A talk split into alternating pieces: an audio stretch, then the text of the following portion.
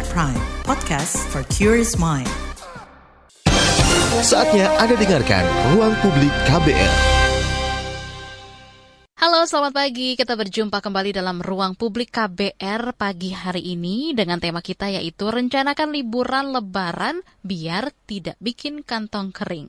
Ya saudara, lebaran menjadi momen spesial bagi sebagian besar masyarakat Indonesia. Karena cuti bersama yang cukup panjang di lebaran 2023 ini, mungkin sambil lebaran kita juga bisa sambil liburan gitu ya. Apalagi sebagian besar dari kita menerima THR alias tunjangan hari raya. Tapi bagaimana mengatur keuangan supaya agenda lebaran dan liburan bisa kita nikmati tanpa membuat kantong kering? Nah, pagi hari ini kita akan obrolin bersama masalah ini dengan narasumber kita yaitu Mbak Lolita Setiawati, Certified Financial Planner dan founder PT Daya Uang Indonesia Tangguh. Selamat pagi, Mbak Lolita. Selamat pagi, Mbak Naomi. Terima kasih sudah hadir di ruang publik KBR ya, Mbak Lolita ya. Dengan senang hati, Mbak. Mbak Lolita liburan ke mana, Mbak? Ya. Saya di Jakarta aja, di saya jaga gawang ya. Jaga gawang, baik. Oke. Nah, Mbak Lolita, ini menjelang libur lebaran nih Mbak ya. Masyarakat ini kan ya. kan pasti akan menerima THR ya, tunjangan hari raya. Dan pastinya setiap orang juga bakal menggunakan THR-nya sesuai dengan kebutuhannya masing-masing begitulah ya. Nah, pengeluaran apa yang paling banyak dikeluarkan masyarakat nih Mbak biasanya jelang libur lebaran?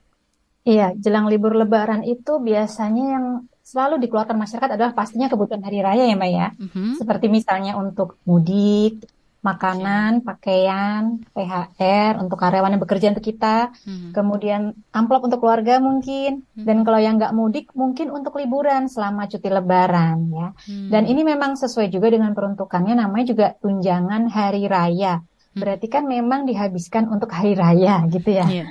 Nah, tapi yang banyak terjadi adalah masyarakat itu ada kecenderungan menghabiskan dana THR hmm.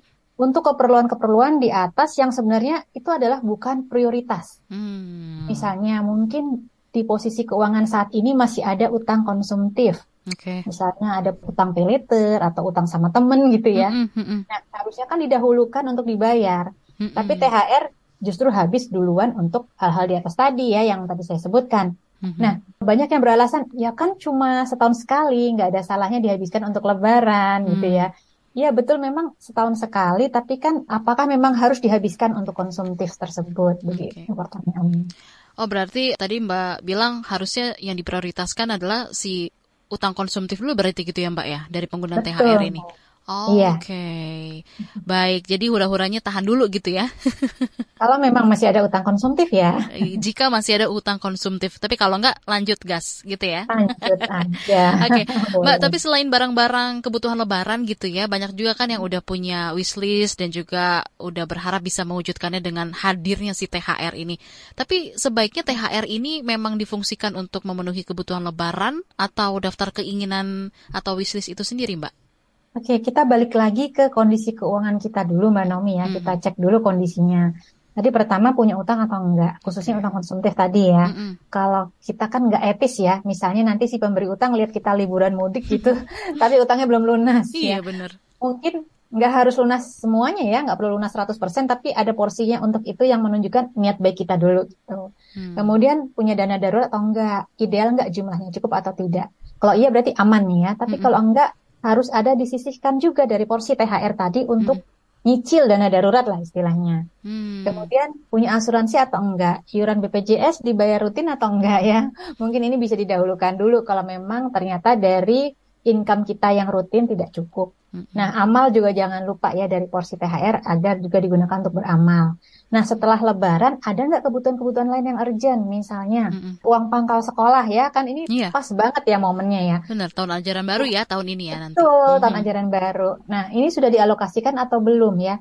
Jangan sampai THR kita habiskan untuk konsumtif, tapi nanti mm kemungkinan uang pangkal anak kita nggak cukup ini ada gitu loh jadi itu uh -huh. juga harus diperhatikan ya namanya sekolah anak kan nggak bisa ditunda-tunda ya hmm, betul Nah, kalau untuk wishlist tadi ya, mm -mm. kita juga perhatikan prioritas dalam pengeluaran ya. Yang tadi saya sebut seperti misalnya biaya pendidikan, kemudian bayar utang, dana darurat itu yang super prioritas gitu mbak di atas mm. banget gitu.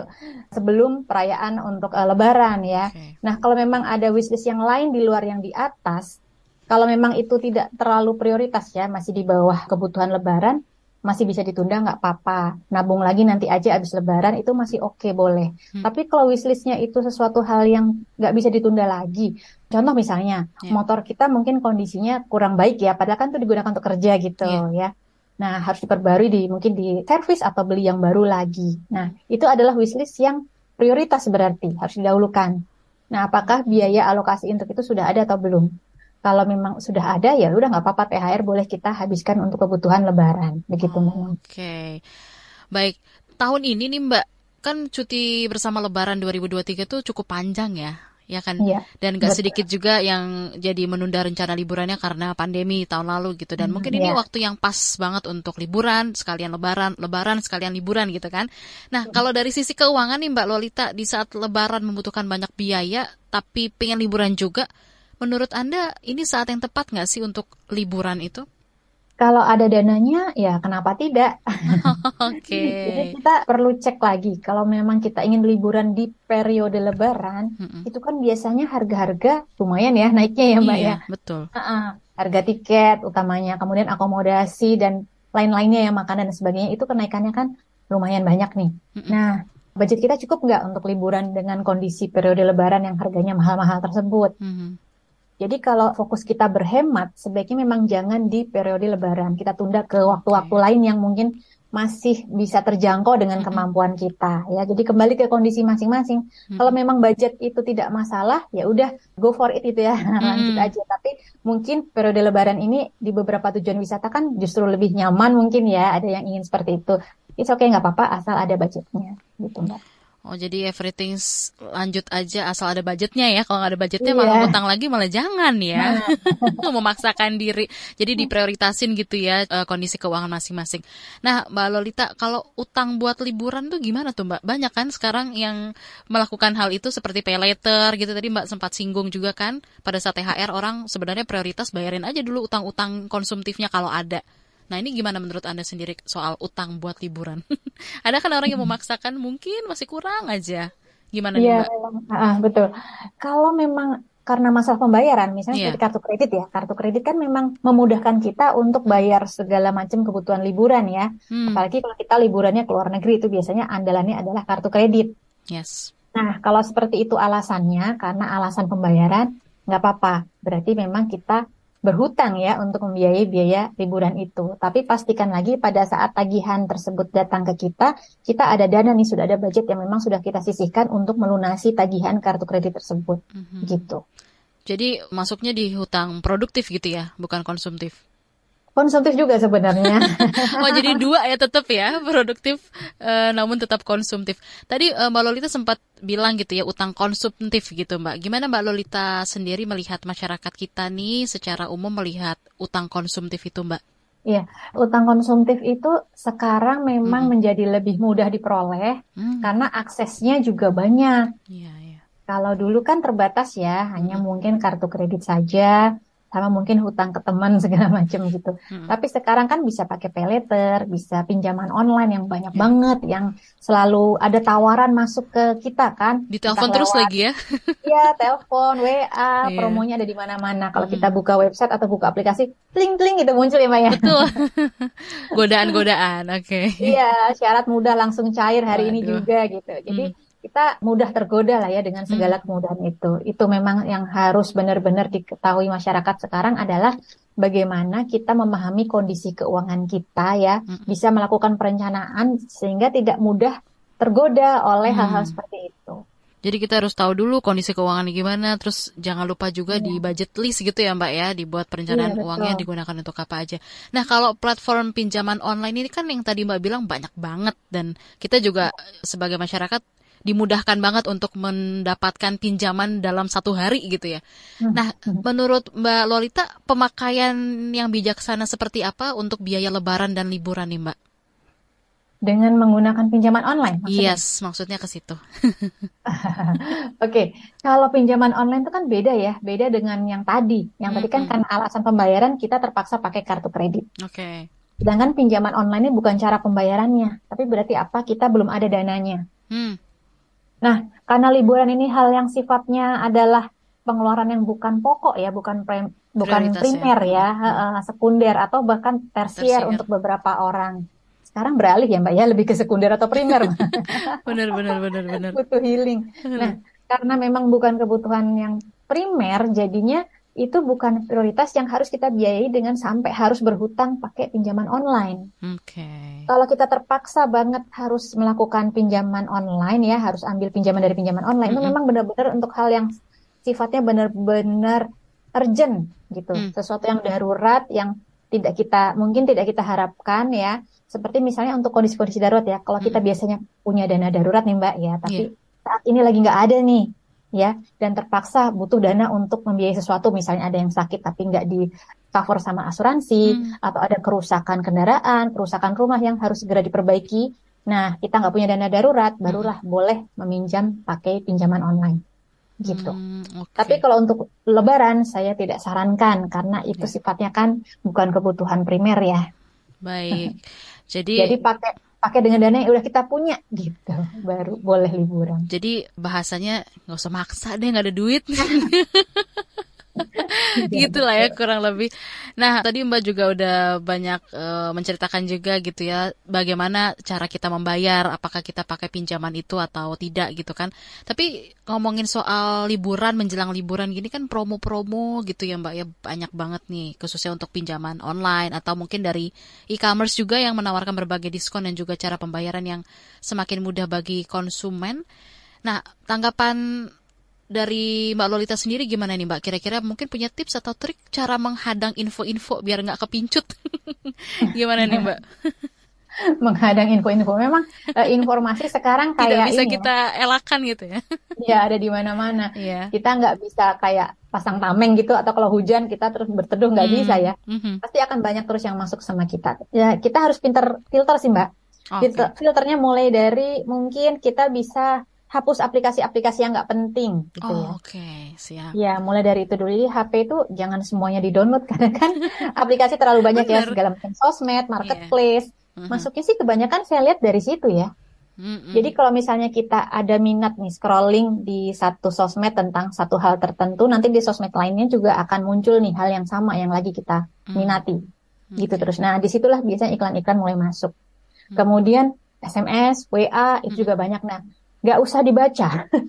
Hmm. Gak usah dibaca, kita fokuskan energi kita untuk hal yang penting-penting aja gitu. Okay. Tapi sebenarnya intinya bukan ini sih Mbak, karena hmm. itu lain hal ya. Hmm. Itu adalah hal yang berbeda. Hal pokok yang sebenarnya masyarakat Indonesia itu sangat kurang adalah mereka tidak paham kondisi keuangannya. Hmm. Itu PR banget. Jadi kalau banyak banget nih Padahal kan klien saya tuh adalah orang-orang yang cukup berpendidikan ya Mbak ya. Yeah. Tapi banyak yang ternyata nggak tahu kondisi keuangannya nggak tahu hmm. posisi utang, nggak tahu asetnya. Hmm. Baru sadar ternyata saya harus ngumpulin uang sekian untuk kebutuhan hidup saya ke depan misalnya gitu ya. Untuk tujuan hmm. keuangan tuh hmm. baru tersadar setelah ditanya-tanya. Oh iya ya, oh iya ya gitu loh. Selama ini berarti nggak pernah nggak pernah dipikirkan, nggak pernah mencatat pengeluaran, nggak pernah bikin budget kayak gitu. Okay. Jadi tidak tahu posisi keuangannya gimana. Nah, kalau kita tahu aset kita apa aja, termasuk utang ya, termasuk utang, kemudian cash flow kita, jadinya kita bisa memutuskan ke depan itu kita mau gimana gitu. Apakah kita memang butuh ngutang lagi atau enggak gitu. Apakah kita mampu liburan setiap tahun atau enggak. Itu akan ketahuan kalau kita punya catatan keuangan. Nah, Baik. ini yang masyarakat banyak yang belum punya, belum melakukan sama sekali. Jadi masih sedikit banget ya masyarakat itu memahami kondisi keuangannya sendiri itu seperti apa gitu ya Mbak Lolita ya. Nah Benar ini mungkin nanti kita bisa bahas lagi di segmen berikutnya dan untuk Anda pendengar tetaplah di ruang publik KBR dengan tema kita yaitu rencanakan libur lebaran biar tidak bikin kantong kering. Masih Anda dengarkan ruang publik KBR. Anda masih mendengarkan Ruang Publik KBR dengan tema Rencanakan Libur Lebaran Biar Tak Bikin Kantong Kering. Masih bersama narasumber kita ada Mbak Lolita, Certified Financial Planner. Dan tentunya untuk Anda kita masih ngebahas nih mengenai rencanakan libur lebaran supaya nggak bikin kantong kering ya. Tadi Mbak Lolita sudah menyinggung gitu ya, bagaimana masyarakat di Indonesia ini khususnya tuh masih kurang banget tahu cara membaca kondisi keuangannya sendiri. Tapi mungkin boleh dijelaskan gitu Mbak Lolita, gimana sih cara membaca kondisi keuangan kita secara sederhana atau simpel gitu dan pencatatan seperti apa yang harus dibuat, Mbak? Iya. Mulai dari mencatat pengeluaran dulu, Mbak. Oke. Okay. Jadi rutin mencatat semua pengeluaran kita, mulai dari pengeluaran yang besar-besar ya, belanja bulanan, dan sebagainya, sampai kalau kita kasih ini tukang parkir itu juga dicatat, hmm. gitu. Jadi sampai yang kecil-kecil pun harus kita catat. Nah, nanti kita buat kategorinya ya per kategori pengeluaran. Mm -hmm. Di situ baru nanti kita bandingkan dengan budget yang udah kita buat. Jadi pertama kita bikin budget dulu nih ya, dapat mm -hmm. pemasukan sekian. Mm -hmm. Nanti kita bagi-bagi nih, ini buat ditabung, buat amal, buat kebutuhan rutin, buat hal-hal lainnya. Mm -hmm. Nah, setelah kita mencatat satu bulan lamanya, kita kategorikan sesuai dengan budget tadi, mm -hmm. terus kita bandingkan kira-kira yang mana nih yang berbeda dari anggaran? Kenapa begitu? Bagaimana nanti bulan ke depannya? Apakah akan kita perbaiki budgetnya atau hmm. pengeluaran kita yang kita perbaiki? Gitu. Itu langkah satu, Mbak. Okay. Langkah kedua, kita harus mencatat semua aset kita ya. Mm-mm. Semua aset mulai dari tabungan, investasi, kalau kita punya rumah, kendaraan, gadget, semua kita catat. Semua yang kalau dijual masih laku nilainya gitu, Mbak. Oke. Okay. Kemudian hutang juga semua jenis hutang, mulai dari kartu kredit, pay letter, utang sama teman, utang keluarga, itu KPR, semuanya dicatat di situ. Okay. Jadi kita tahu, kita bisa bandingkan aset saya sekian, utang saya segini. Kalau ini saya lunasi semua utang saya, aset saya habis nggak ya? Mm-hmm. Gitu. Masih sisa nggak? Sisanya berapa? Nah, kalau habis berarti sebenarnya kita tuh nggak punya kekayaan sama sekali gitu. gitu. Nah, itu udah lampu merah kalau udah kayak mm-hmm. gitu ya. Mm-hmm. Lampu merah berarti banyak banget yang harus diperbaiki, banyak PR-nya sih. Oke, baik. Baik, tadi perencanaan keuangan gitu ya berarti ya yang yang harus dibuat. Nah, itu buat keluarga dan juga yang single itu juga tetap perlu membuatnya tah atau seperti apa? Apa yang membedakan, Mbak? Hmm, semua orang yang sudah punya penghasilan, Mbak. Semua yang sudah punya penghasilan ya. ya. ya. Kalau masih SMA tapi sudah punya penghasilan hmm. juga sebaiknya buat. Oh jadi siapa pun yang punya penghasilan wajib lah ya membuat ya. perencanaan keuangan gitu ya biar tahu Betul. pengeluarannya seperti apa. Oke, okay, next kita uh, ngebahas soal Lebaran ini sendiri gitu ya, Mbak ya. Nah, ya. gimana merencanakan keuangan liburan di masa Lebaran ini nih, Mbak? Apa yang harus jadi perhatian utamanya nih, Mbak? Oke, okay. perhatian utama adalah merencanakan liburan di masa Lebaran ya, Mbak ya. Iya. Uh, pertama kita harus cek budget kita dulu ya. Terutama hmm. yang paling besar apa sih? Transport dan akomodasi biasanya ya. Masuk nggak ke budget kita, ke kemampuan kita. Yang juga cukup besar adalah makan biasanya. Hmm.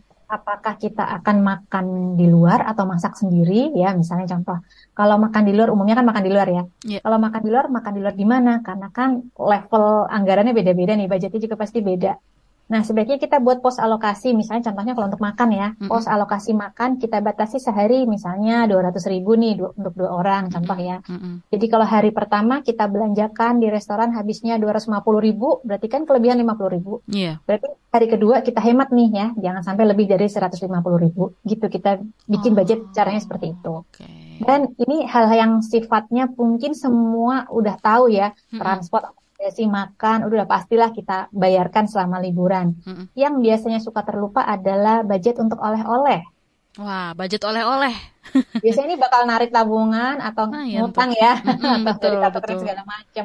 Padahal kadang-kadang kita bengkak di sini, nggak sadar. Gak sadar. Gitu. Iya. Ya, jadi kita harus bikin list dulu nih ya, siapa yang layak dikasih oleh-oleh gitu. Terus per orang berapa budgetnya kita batasi juga ya kan. Hmm. Nah kemudian berikutnya yang penting juga asuransi atau proteksi. Hmm. Ya namanya kita jauh dari rumah kita kan nggak pernah tahu ya kejadian apa. Yeah. Apalagi kalau kita liburan ke luar negeri itu biasanya biaya rumah sakit sangat mahal ya. Hmm. Uh, uh, saya waktu itu pernah nemenin atasan saya terus dia luka gitu jempolnya cuma luka uh, bengkak dan infeksi hmm. 2 juta mbak rumah sakit. Wow. Iya, 2 juta. Okay. Jadi sebenarnya kita juga siap asuransi perjalanan karena hmm, itu lumayan sih kita cuma bayar biaya administrasi aja gitu ya. Hmm. Sisanya ditanggung oleh asuransi. Satu lagi yang penting dana darurat juga harus ada karena kita nggak tahu ya yeah. kejadian apa. Kalau bisa kira-kira ya untuk satu minggu budget makan lah itu udah cukup untuk dana darurat. Oh, gitu. seperti itu. Jadi kita harus cek budget, terus pos alokasi gitu ya, dan lain sebagainya. Nah, Mbak, apakah memungkinkan kalau lebaran sekaligus liburan ini bikin kantong nggak kering gitu mbak. Apa yang harus dan jangan dilakukan, do's and don't? Iya, uh, mungkin aja ya. Yang pasti mm -hmm. kita jangan pernah menggunakan dana darurat atau utang untuk liburan. Itu dulu aja. Mm -hmm. nah, kecuali tadi ya untuk pembayaran dengan kartu kredit karena kan memang ini untuk alasan pembayaran.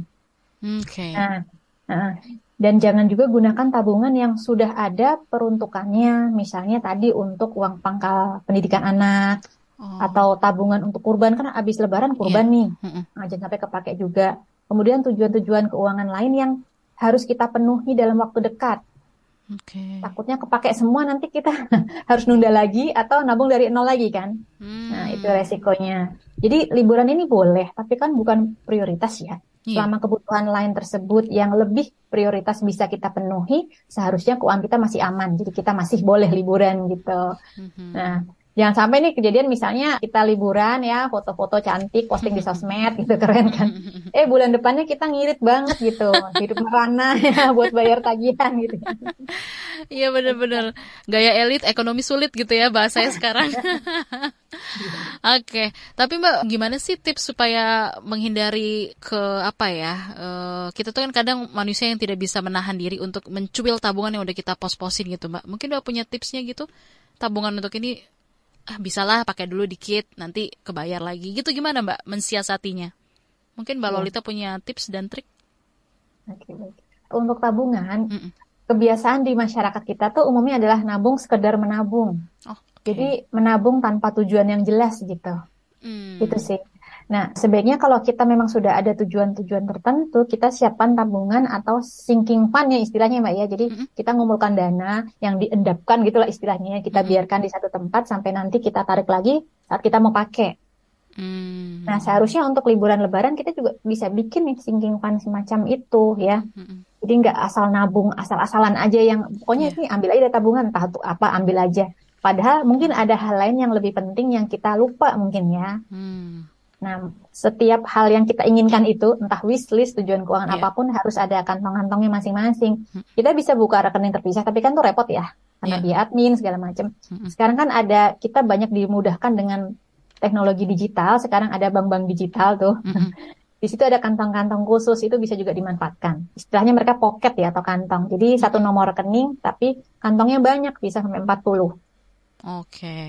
Jadi kita punya rekening yang pokok nih ya di bank konvensional, tapi untuk biaya-biaya seperti itu tadi yang ada tujuan khusus, kita pindahkan misalnya ke bank digital tadi ya yang ada kantong-kantongnya. Mm-hmm. Contohnya misalnya ada kantong untuk dana darurat, mm-hmm. kantong untuk uh, perawatan kendaraan, kantong yeah. untuk liburan kayak gitu. Jadi nanti kalau kita butuh ambilnya dari kantong tersebut. Jangan salah ambil kantong gitu Oke baik. Tapi mbak kalau udah kepake nih tabungan bukan untuk peruntukannya gitu ya gimana cara menabung untuk gantiin pengeluaran tersebut mbak?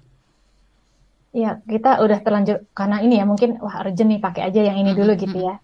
memang harus dipenuhi lagi dikumpulin lagi sampai mencapai jumlah yang ideal gitu mbak. Okay.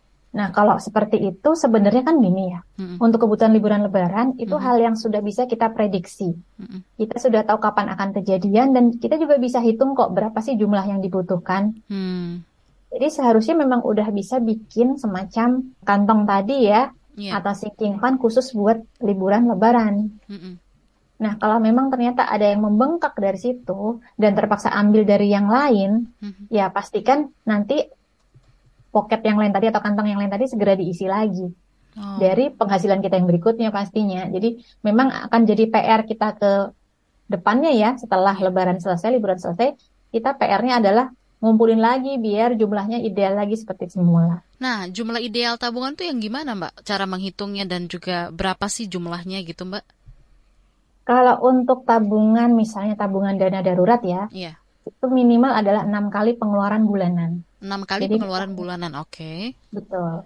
Kalau misalnya pengeluaran sebulan rata-rata, sebulan adalah 5 juta, mm -mm. maka kita harus punya dana darurat 5 kali 6 atau 30 juta. Oh, oke. Okay. Nah, betul. Tapi itu sebenarnya sih tidak harus disimpan dalam bentuk tabungan. Baiknya, Karena kalau kita simpan dana darurat Iya, tapi invest yang resiko rendah ya Mbak ya. Mm -mm. Kalau kita simpan di tabungan tuh jadi godaan untuk pakai kan besar ya Mbak. Banget. Tinggal ditarik aja gitu ya. Gampang. Nah kalau kita uh, uh, betul, kalau kita investasi di yang risiko rendah itu misalnya seperti deposito yang per bulan mm -mm. atau reksadana pasar uang. Mm -mm. Nah itu untuk nariknya kan pasti agak-agak mikir ya. Uh, effort lah pokoknya gitu iya, kan. Iya ada effortnya uh -huh. betul. Jadinya kan kan nggak usah deh nggak usah narik ada jadinya nggak jadi nih batal nih gara-gara gara-gara kita mungkin agak malas gitu nariknya ya. Iya, iya. Jadi caranya Mbak. Kalau oh. untuk dana darurat ya. Oke, jadi nabung dana darurat itu baiknya jangan ditabungan uh, begitu aja gitu ya Mbak ya, boleh diinvest dengan resiko rendah. Nah, boleh kita banget. nanti uh, mau ngobrolin juga kira-kira tabungan yang seperti apa dan juga investasi masuk ke tabungan itu seperti apa juga. Nanti kita bakal tanya-tanya lagi sama Mbak Lolita. Untuk Anda pendengar, tetaplah di ruang publik KBR dengan tema kita rencanakan liburan lebaran tapi tidak bikin kantong kering. Masih Anda dengarkan ruang publik KBR. Ya, terima kasih untuk Anda yang masih setia mendengarkan siaran Ruang Publik KBR pada pagi hari ini dengan tema Rencanakan Libur Lebaran Biar Tak Bikin Kantong Kering. Kita masih bersama dengan Mbak Lolita, Certified Financial Planner. Dan tadi udah sempat disinggung juga sama Mbak Lolita ya soal tabungan-tabungan nih. Nah, kita juga pengen tahu nih Mbak, kira-kira tabungan darurat itu kan tadi Mbak sebut 6 kali pengeluaran bulanan gitu ya. Nah, kira-kira hmm. ada tabungan apa lagi nih Mbak? Uh, banyak, tergantung hmm. dari kebutuhan kita ya. Oke. Okay. Umumnya sih dana darurat tadi ya pertama itu hmm. pasti. Kemudian dalam setahun tuh kira-kira apa aja sih yang kita butuhkan ya? Mm-mm. Mulai dari yang nggak rutin, yang tidak rutin per bulan biasanya adalah untuk liburan lebaran, mm. liburan lain-lainnya ya, liburan naik kelas segala macam. Yeah. Kemudian untuk bayar pajak ya, PBB, pajak kendaraan. Mm-hmm. Kemudian untuk servis kendaraan kan itu juga rutin. Yes. Atau mungkin kalau kita biasa ngecat rumah dua tahun sekali ada lagi ya untuk renovasi rumah gitu misalnya. Maintenance rumah gitu, gitu ya. Oh, maintenance rumah ya, maintenance rumah, maintenance kendaraan. Mm -hmm. Itu sih kalau itu tabungan jangka pendek tapi Mbak, sekitar 2 sampai 3 tahun. Nah, kalau untuk tabungan lain-lainnya yang jangka menengah atau panjang, mm -hmm. pastinya kan harus diinvestasikan ya. Kita yeah. bisa nabung lagi kalau seperti itu bentuknya. Oke, okay, oke okay, baik. Lalu Mbak, sekarang itu kan sudah lebih mudah nih Mbak untuk orang-orang berinvestasi gitu ya. Kira-kira bisa nggak uang THR ini sendiri digunakan untuk investasi? Dan kira-kira mungkin seperti apa sih langkah investasi yang pas supaya nggak menghabiskan THR kita ini Mbak? Bisa aja ya. Mm-hmm. Tapi tadi kan saya sudah sampaikan ya perlakukan THR ini sebenarnya begini Mbak. Jadi selama ini tuh kita perlakukan THR seperti kayak rezeki nomblok ya. Iya betul. Seperti rezeki nomblok yang bisa kita habiskan sesuka kita gitu. Nah, kenapa nggak perlakukan THR sama seperti kalau kita dapat penghasilan atau income bulanan yang rutin mm -hmm. gitu? Nah, kalau kita dapat income bulanan yang rutin kan biasanya sudah kita pos-poskan ya, mm. ada untuk investasi dan tabungan juga. Mm. Nah, THR juga bisa seperti itu. Jadi nggak harus semuanya dihabiskan untuk kebutuhan lebaran. Mm. gitu. Nah, biasanya sih kita sisihkan berapa sih untuk investasi contohnya? Oh, mm. 10%. Oke, kita bisa juga sisihkan 10% dari THR kok untuk investasi. Jadi kembali ke masing-masing ya kemampuannya bagaimana. Bisa sisihkan sama seperti bulan-bulan biasanya yeah. atau mungkin bisa lebih atau mungkin kurang. Tapi kalau bisa uang di... investasi ini baiknya dari mana Mbak? Mungkin dari tabungan atau dari seperti apa? Untuk investasi sebaiknya hmm. setiap bulan kita rutin menyisihkan dari penghasilan kita sih. Dari penghasilan itu memang harus rutin disisihkan harus. ya. 10% iya. itu ya Mbak ya? Minimal. Minimal. minimal. Oh minimal 10%. Itu udah paling minimal iya. Wah. Uh, ketar-ketiran ya buat yang suka boros mendengarnya. Iya. okay. Makin besar makin bagus ya, apalagi yeah, kalau yeah. masih single ya belum menikah. Mm -mm. Harusnya adalah kesempatan besar untuk memperbanyak porsi investasi. Karena oh. kalau sudah menikah banyak sekali pengeluaran, yeah. akan sulit untuk mengalokasikan bahkan mengalokasikan 10% pun mungkin akan sulit ya kalau gajinya masih pas-pasan banget gitu. Mm -mm. Jadi kalau kita masih single, mumpung masih single belum membiayai keluarga, ya itu mm -hmm. diperbesar porsi investasinya. Oke, bahkan kalau bisa masih muda tuh berlomba-lomba untuk invest kali ya, dijadiin Betul. lifestyle, keren banget kalau bisa seperti itu. Nah, Mbak Lolita, selain seorang certified financial planner, Anda juga founder ya dari PT Daya Uang Indonesia Tangguh, yang mewadahi Daya Uang, sebuah platform untuk mengelola keuangan personal gitu ya. Layanan apa aja nih Mbak yang disediakan oleh Daya Uang ini Mbak? Ya, Daya Uang ini memberikan layanan ke layanan edukasi ya, edukasi keuangan. Hmm. Seperti misalnya kelas, seminar online maupun offline, hmm. kemudian konsultasi keuangan, talk show dan kuliah WhatsApp. Oh. Itu sih uh, layanan okay. kami. Nah, tapi kami ini sebenarnya lebih fokusnya ke bisnis to bisnis ya, B2B, Mbak. Oh, Oke. Okay. Uh, lebih ke perusahaan, misalnya hmm. untuk training perusahaan, untuk persiapan pensiun hmm. atau untuk first jobber, kemudian konsultasi keuangan untuk pegawai. Tapi hmm. selain dengan perusahaan, kami juga uh, sudah banyak kerjasama dengan hmm. komunitas, perguruan tinggi, dan juga sekolah-sekolah. Itu sih Mbak fokusnya. Oke. Kira-kira apa Mbak hmm. yang paling banyak jadi kebutuhan kebutuhan informasi yang mesti didapatkan oleh si masyarakat ini sendiri soal keuangan, Mbak? uh, kebutuhan yang paling penting adalah pertama memang perencanaan keuangannya dulu ya. Hmm. Bagaimana kita melakukan perencanaan tadi ya, melakukan catatan hmm. keuangan, tahu posisi keuangan kita, hmm. baru kemudian mengenali produk-produk keuangan. Jadi jangan kebalik. Oh. Selama ini kebalik ya. Fokusnya kita lebih ke Produk tahu nih apa ya? itu ya investasi di sini, apa itu investasi di situ gitu. Tapi kita sendiri belum paham sebenarnya kondisi keuangan kita gimana sih. Oke. Okay. Baik selanjutnya nih Mbak, sebenarnya kan saat ini info soal mengelola keuangan gitu kan udah banyak gitu ya, bahkan berseliweran juga di media sosial gitu kan, tips dan trik gitu. Nanti lanjut part 2 ya, part 3 ya gitu lah banyak pokoknya. Dan gak sedikit juga orang yang tetap sulit mengelola keuangannya gitu. Tantangannya apa nih Mbak dalam mengelola keuangan sebenarnya Mbak? Tantangannya kalau untuk masyarakat Indonesia adalah lebih ke ketidakmauan untuk belajar. Niat ya. Iya, niatnya kurang kuat. Hmm. Uh, biasanya kan identik orang Indonesia tuh malas baca ya. Yes. Ada membaca, uh, cek recheck ya kan, hmm. uh, survei atau uh, riset ya riset. Hmm. Itu kan adalah hal-hal yang bagian dari pembelajaran. Hmm. Nah, kalau dari situ aja udah malas, ya gimana kita bisa mulai tahu sesuatu ya kan? Hmm. hmm, hmm untuk kita bisa melakukan perencanaan ya kita harus tahu dulu tentang keuangan kita, tahu dulu tentang produk keuangan, tahu mekanisme tentang ekonomi keuangan di luar sana gitu. Paling nggak kita tahu lah ya sedikit. Nah ini aja kadang-kadang masih banyak yang Mm-mm. ah saya nggak perlu, saya udah cukup tahu gitu. Jadi kalau sudah ada iya. resisten seperti itu kan agak sulit ya untuk kita memberikan edukasi. Nah ya itu ya mbak ya jangan-jangan masih banyak banget nih yang nggak tahu sebenarnya kondisi keuangannya ya. Betul Mbak, okay. banyak Mbak. Tapi kalau ngomongin uh, belajar keuangan sejak dini nih Mbak, kira-kira sejak hmm. usia berapa sih atau sejak kapan sih udah bisa dipelajari gitu Mbak, edukasi keuangan ini sendiri? Sebenarnya sejak anak masuk bangku sekolah sudah bisa sih Mbak. SD kelas 1, 2 uh, atau gimana? Bahkan TK sudah ada yang oh. belajar keuangan sedikit-sedikit di sekolah. Ya paling nggak okay. mengenali apa sih itu uang gitu. Hmm. Uang itu apa, asalnya dari mana, terus kita gunakan untuk apa. Hmm. Kita ajarin cara belanja misalnya, kita bawa ke hmm. ini minimarket gitu yeah, ya. Yeah. Kita cara belanja, oh ternyata untuk dapat sesuatu kita harus menukar dengan uang. Berarti uangnya adalah alat gitu. Hmm. Terus dapatnya gimana? Nah, mulailah di ya, beritahu, oh ternyata ada loh profesi-profesi seperti ini. Mm Dan dari situ kita bekerja menghasilkan apa? Salah yeah. satunya adalah tentunya penghasilan ya, yeah. uang tadi gitu. Jadi oh, jangan sampai okay. nanti ada anak-anak yang hmm. uh, kalau minta uang uh, ibunya bilang oh nggak ada nak gitu. Ke ATM aja bu gitu kan. Iya soalnya kan Mbak Lolita anak zaman sekarang pinter banget ya ngejawabnya ya, gitu kan. betul.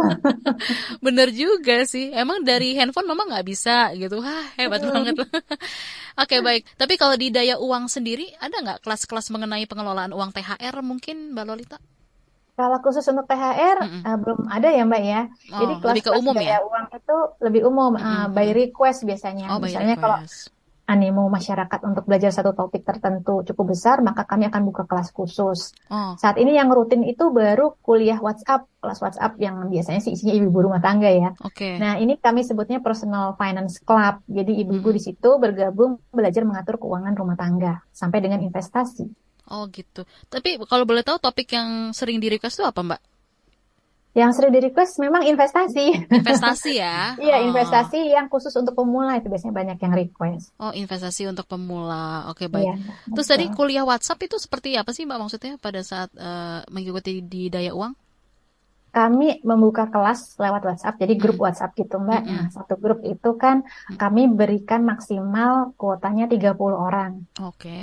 Jadi 30 orang dikumpulkan di satu grup WhatsApp. Nanti hmm. saya share materi setiap hari gitu. Saya tentukan waktunya ya, jam hmm. sekian setiap hari kerja. Hmm. Saya share materi, habis itu ada sesi tanya jawab. Hmm. Kemudian saya beri tugas juga. Tugasnya sih sebenarnya lebih ke ini ya cash flow terapi. Jadi peserta diminta untuk mencatat keuangan. Mm-mm. mencatat pengeluaran, mencatat budget. Nanti setiap akhir minggu saya minta laporannya, ringkasannya aja gitu untuk dievaluasi begitu terus setiap minggu. Nanti materinya terus bertambah mulai dari cash flow dulu, kemudian dana darurat, asuransi, investasi, sampai ke Islamic finance atau keuangan syariah, sama waris. Oh, gitu. oke. Okay. Jadi ada terapi juga cash flow terapi gitu ya disebutnya seperti Betul. itu. Oh. Iya, kalau kelasnya yang satu bulan jadi ada yang dua minggu yang satu bulan. Uh -huh. Kalau yang satu bulan ada cash flow terapi satu bulan. Okay. Untuk membiasakan biar kita biasa mencatat dan nanti tahu pola keuangannya. Nah, setelah melakukan itu biasanya peserta jadi jadi ngerti, oh selama ini saya bocornya di sini loh ternyata gitu baru sadar. Ternyata yeah, sebenarnya saya bisa nyisikan sekian buat investasi. Nah, sadarnya tuh setelah satu bulan itu. Gitu. Oke, okay. jadi sebenarnya kalau bisa dibilang minat masyarakat terhadap pengelolaan ini juga cukup besar ya, Mbak ya? Dan biasanya besar, kalau khususnya di perempuan sih, Mbak. Perempuan. Oh, biasanya perempuan, bocornya banyaknya iya. di mana sih, Mbak? Kalau misalnya Mbak udah lihat dari hasil cash flow itu sendiri, cash flow terapi? Kalau rumah tangga ya, Mm-mm. banyak jajan sih kan. Jajannya. Oke. Okay. Itu sama sih, saya juga suka jajan, jadi ya saya inilah maklum. oh jadi DLL-nya ya Mbak ya, dan lain-lain atau DKK dan kawan-kawan. iya. tapi dan lain-lainnya lebih banyak. Tapi mungkin nggak sih ada pengaruh gender gitu dalam pengelolaan keuangan kalau si cowok tuh bisa lebih tahan gitu ya, kalau cewek enggak gitu, ngaruh nggak Mbak? Pengaruh banget, beda oh, sekali. Okay. Jadi laki-laki itu tidak mudah tergoda sama hal-hal sepele, beda sama perempuan. Oh, ya, gitu ya. Coba kita jalan gitu ya, uh -uh. Uh, jalan terus kanan kiri ada jualan apa kan perempuan, eh ngicip itu, ngicip ini gitu ya. Kalau laki-laki enggak, lurus aja gitu ya. Tapi sekalinya dia beli belanja yang nilainya benar-benar besar. Fokus gitu ya. Hmm. Uh, jadi misalnya yang hobi sepeda, beli sepeda mahal satu besar gitu misalnya. Oh kalau laki-laki kayak gitu. Mungkin kuncinya gitu kali ya kalau cewek atau perempuan ibu-ibu rumah tangga lagi mau belanja dia harus ajak pasangannya supaya diarahkan. Tapi kalau kayak gitu juga tetap yang laki kalah ya. iya sih, Ada aja alasan-alasan ini kan buat kebutuhan ini itu dan lain sebagainya. Wah ini makin seru banget ya pendengar kita berbincang mengenai keuangan dan tentunya dikaitkan juga soal libur lebaran supaya nggak bikin kantong kering. Nah tapi ngomongin lagi soal investasi gitu ya Mbak ya tadi yang sempat dibilang di daya uang banyak banget peminatnya tuh ngomongin soal investasi requestannya investasi pemula itu apa aja sih Mbak? Apa aja kesalahan-kesalahan yang sering dilakuin pemula yang melakukan ketika mulai berinvestasi nih Mbak? Investor pemula mm -hmm. ada dua macam. Oh, ada dua. Pertama, pertama yang masih takut-takut banget, jadi nggak mulai-mulai. Oh, TBL ya. Uh -uh. Belajar sih terus belajar, mau belajar, mm -hmm. pengen tahu ini itu, tapi nggak mulai-mulai. Oh, Oke. Okay. Ada satu yang uh, mungkin terlalu nekat ya. Mm-hmm. Terlalu nekat jadi dua dua yang ekstrim ya, terlalu nekat dan mm. berani coba-coba ini itu tanpa mempelajari. Itu sih. Oh. Jadi kita pengennya ketemu di tengah-tengah ya, mm-hmm. sambil belajar, sambil dicoba pelan-pelan gitu. Hmm. Mulai dari yang risikonya rendah aja dulu ya, misalnya seperti tadi deposito reksadana pasar uang itu yang yeah. rendah ya. Hmm. Tingkatkan lagi misalnya ke emas begitu seterusnya. Jadi kita sambil belajar sambil masuk aja dulu sedikit demi sedikit. Karena apa sekalinya kita masuk hmm. terus kita rugi gitu ya, hmm. nanti akan trauma mbak biasanya. Hmm. Trauma terus nggak mau lagi memulai lagi gitu. Hmm, okay. Jadi sebenarnya jangan langsung loncat, misalnya loncat beli saham gitu ya, iya. nekat gitu ya ternyata harganya turun, ah, saya nggak mau lagi investasi karena hmm. dianggapnya semua investasi seperti itu. Oh, Padahal kan memang ada resiko yang mungkin dia belum paham. Baik. Baik Mbak Lolita, nanti kita akan lanjutkan kembali perbincangan kita di pagi hari ini. Dan untuk Anda pendengar, tetaplah di Ruang Publik KBR. Masih Anda dengarkan Ruang Publik KBR. Kita tiba di bagian akhir ruang publik KBR pagi hari ini dan kita masih berbincang bersama dengan Mbak Lolita Setiawati, Certified Financial Planner, soal rencanakan libur lebaran biar tak bikin kantong kering. Oke, Mbak Lolita, kita lanjut lagi nih Mbak. Ngomong-ngomong nih Mbak, walaupun banyak yang ikut kelas pengelolaan keuangan, tapi dalam pandangan Anda gitu ya Mbak, ya seperti apa sih pengetahuan masyarakat Indonesia sendiri secara umum dalam mengatur keuangan personal mereka Mbak?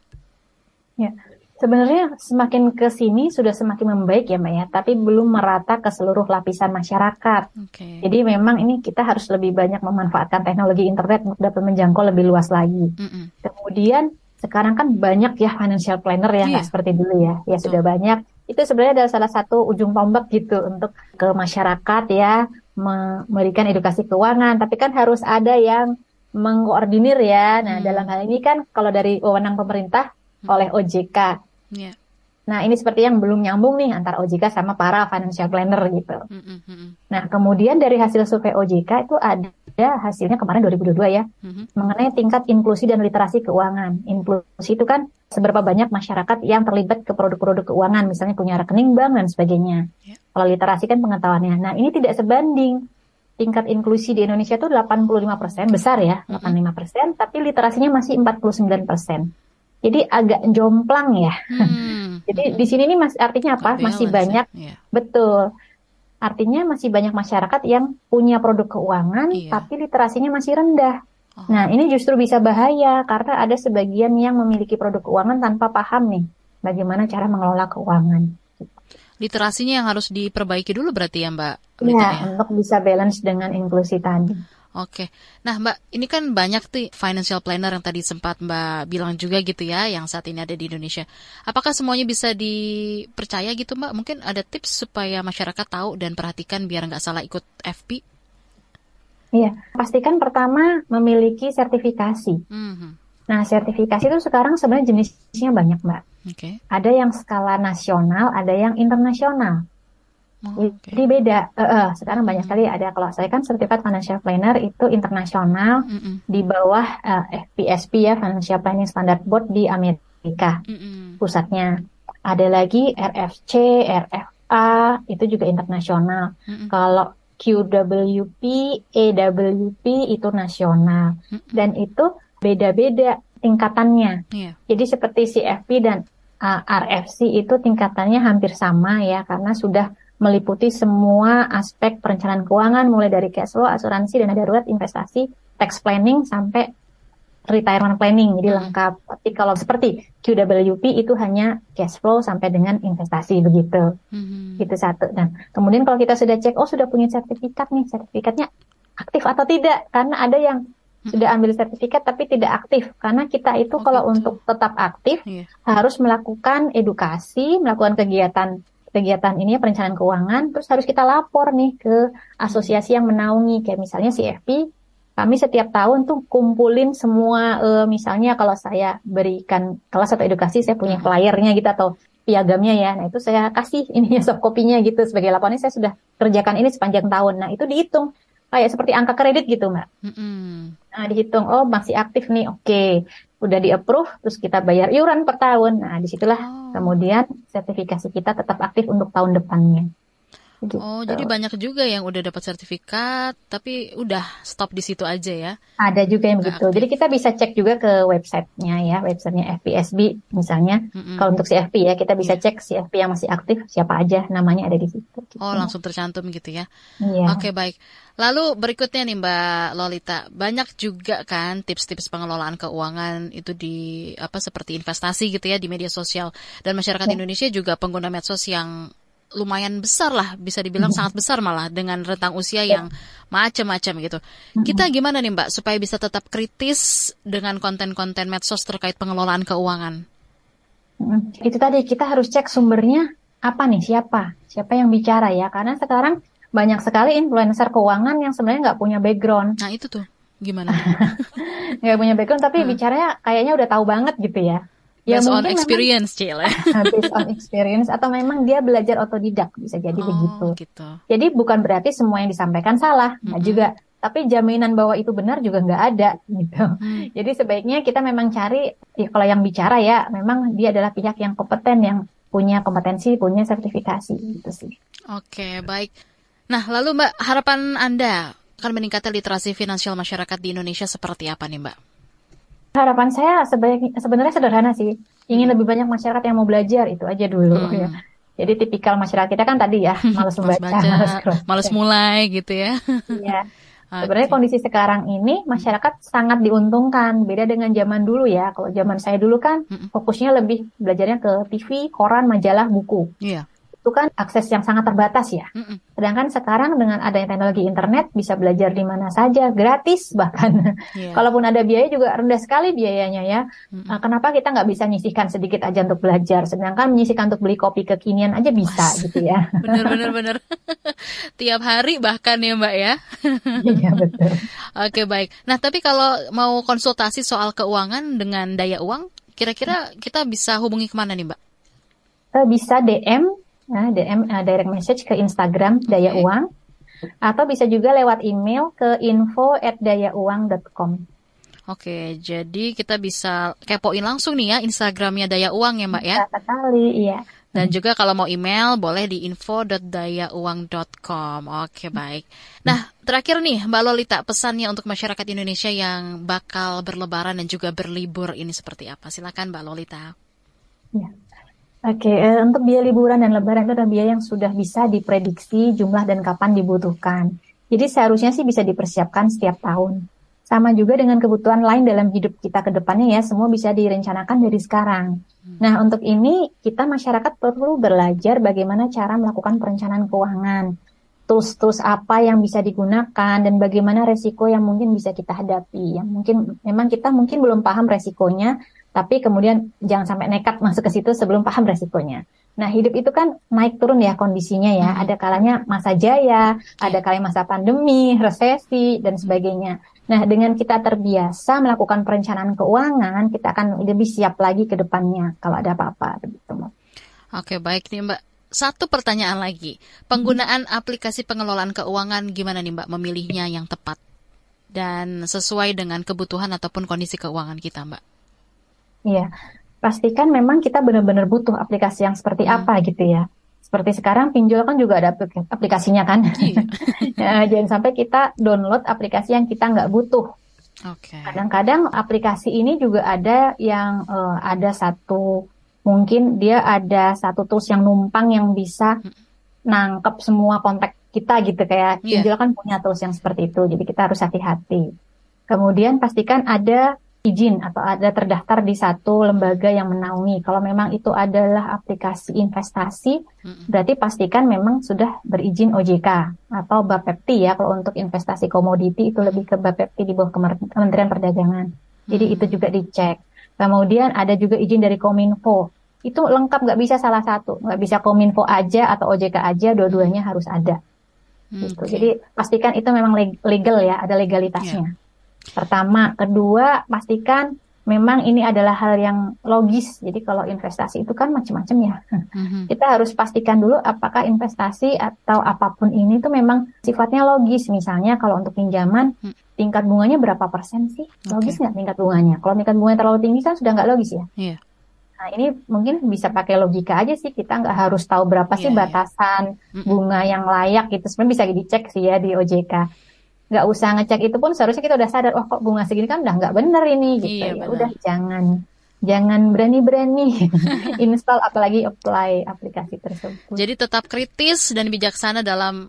Mengetahui kondisi keuangan dan juga mengelola keuangan ya Mbak ya, baik menggunakan jasa Certified Financial Planner juga dan juga aplikasi, kurang lebih seperti itu. Ya. Mbak Lolita terima kasih banyak untuk waktunya di pagi hari ini di Ruang Publik KBR dengan tema rencanakan libur lebaran biar tak bikin kantong kering. Dan untuk Anda pendengar, terima kasih sudah mendengarkan Ruang Publik KBR. Saya Naomi Liandra, selamat pagi dan sampai jumpa. Selamat lebaran, selamat liburan. Baru saja Anda dengarkan Ruang Publik KBR.